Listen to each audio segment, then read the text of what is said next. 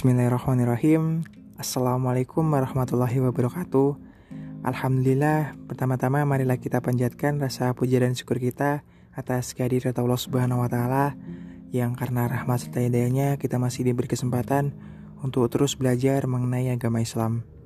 Kedua kalinya salawat serta salam Semoga tetap tercurah limpahan Kepada Nabi Muhammad SAW Yang telah membawa kita dari zaman kegelapan menuju zaman yang terang benderang yakni agama Islam. Alhamdulillah di podcast episode 55 ini kita akan kembali berkisah dengan kisah-kisah islami di masa lalu. Untuk episode kali ini kisahnya berjudul Kesabaran seorang ulama dalam menjalani hidup miskin. Dikisahkan Abdul Husain bin Syamun bercerita kepada kami. Dia mengatakan bahwa Ahmad bin Sulaiman Al-Qati'i berkisah kepadanya. Waktu itu, saya mengalami kesulitan ekonomi. Lalu, saya pergi mengunjungi Ibrahim Al-Harbi untuk menceritakan kondisiku tersebut. Kemudian Ibrahim Al-Harbi berkata kepadaku, "Kamu tidak perlu bersedih. Sesungguhnya Allah berada di balik setiap pertolongan."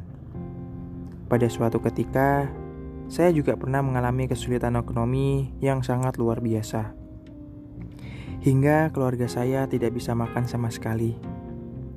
Istri saya berkata, "Taruhlah saya dan engkau bisa menahan kondisi ini. Tapi bagaimana dengan kedua putrimu yang masih kecil itu? Tolong berikan sebagian dari kitabmu itu untuk saya jual atau saya gadekan. Tolong berhutang dulu saja dan beri saya waktu sehari semalam ini." Kata saya kepada sang istri.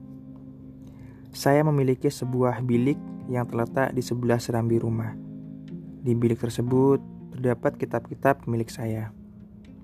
Saya biasa menulis dan membaca di bilik tersebut. Pada malam itu, tiba-tiba ada yang mengetuk pintu. Siapa itu? Tanyaku. Tetanggamu, jawabnya.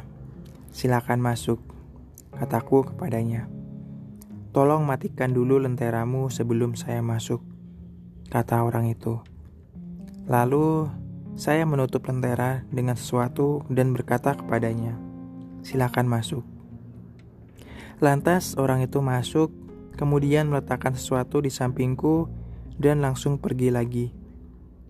Lalu saya membuka kembali penutup lentera dan melihat bungkusan yang diberikan oleh orang tersebut. Ternyata bungkusan tersebut berupa sebuah serbet yang bagus.